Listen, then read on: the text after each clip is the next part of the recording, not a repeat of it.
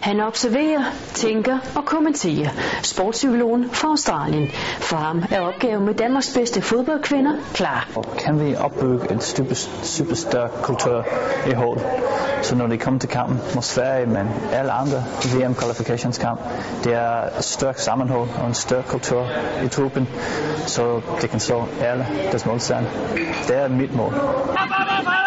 Når vi træner, har han meget fokus på, på kommunikationen i øjeblikket, hvor jeg så kan holde fokus på det taktiske, så kan vi vende nogle ting øh, under træning, efter træning, med, med de ting, som han observerede, og de ting, som han har snakket med, med øh, nogle spillere om, er, er vigtigt for dem, at jeg kan, kan gøre ved det. Så der er sådan en, det er en, en ekstra træner på, men bare på noget helt andet end, end øh, fodbolden. Så han er en, øh, en, en vigtig spiller, kan man sige, for, for mig også.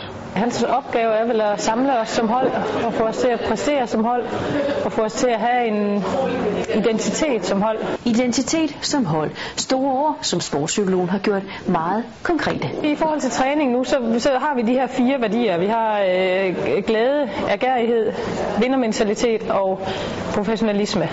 Og så spørger han ude på banen, har vi set nogle eksempler på de her? Og så har vi snakket om nogle eksempler helt konkret. Hvis han var i, for at bruge din terminologi, en, en almindelig øh, idrætspsykolog, så havde han ikke været med. Altså han er netop med, fordi at han involverer sig i, i spillet og tingene på banen. Man kan ikke udrette noget som helst, hvis man ikke er derude, hvor spillerne er.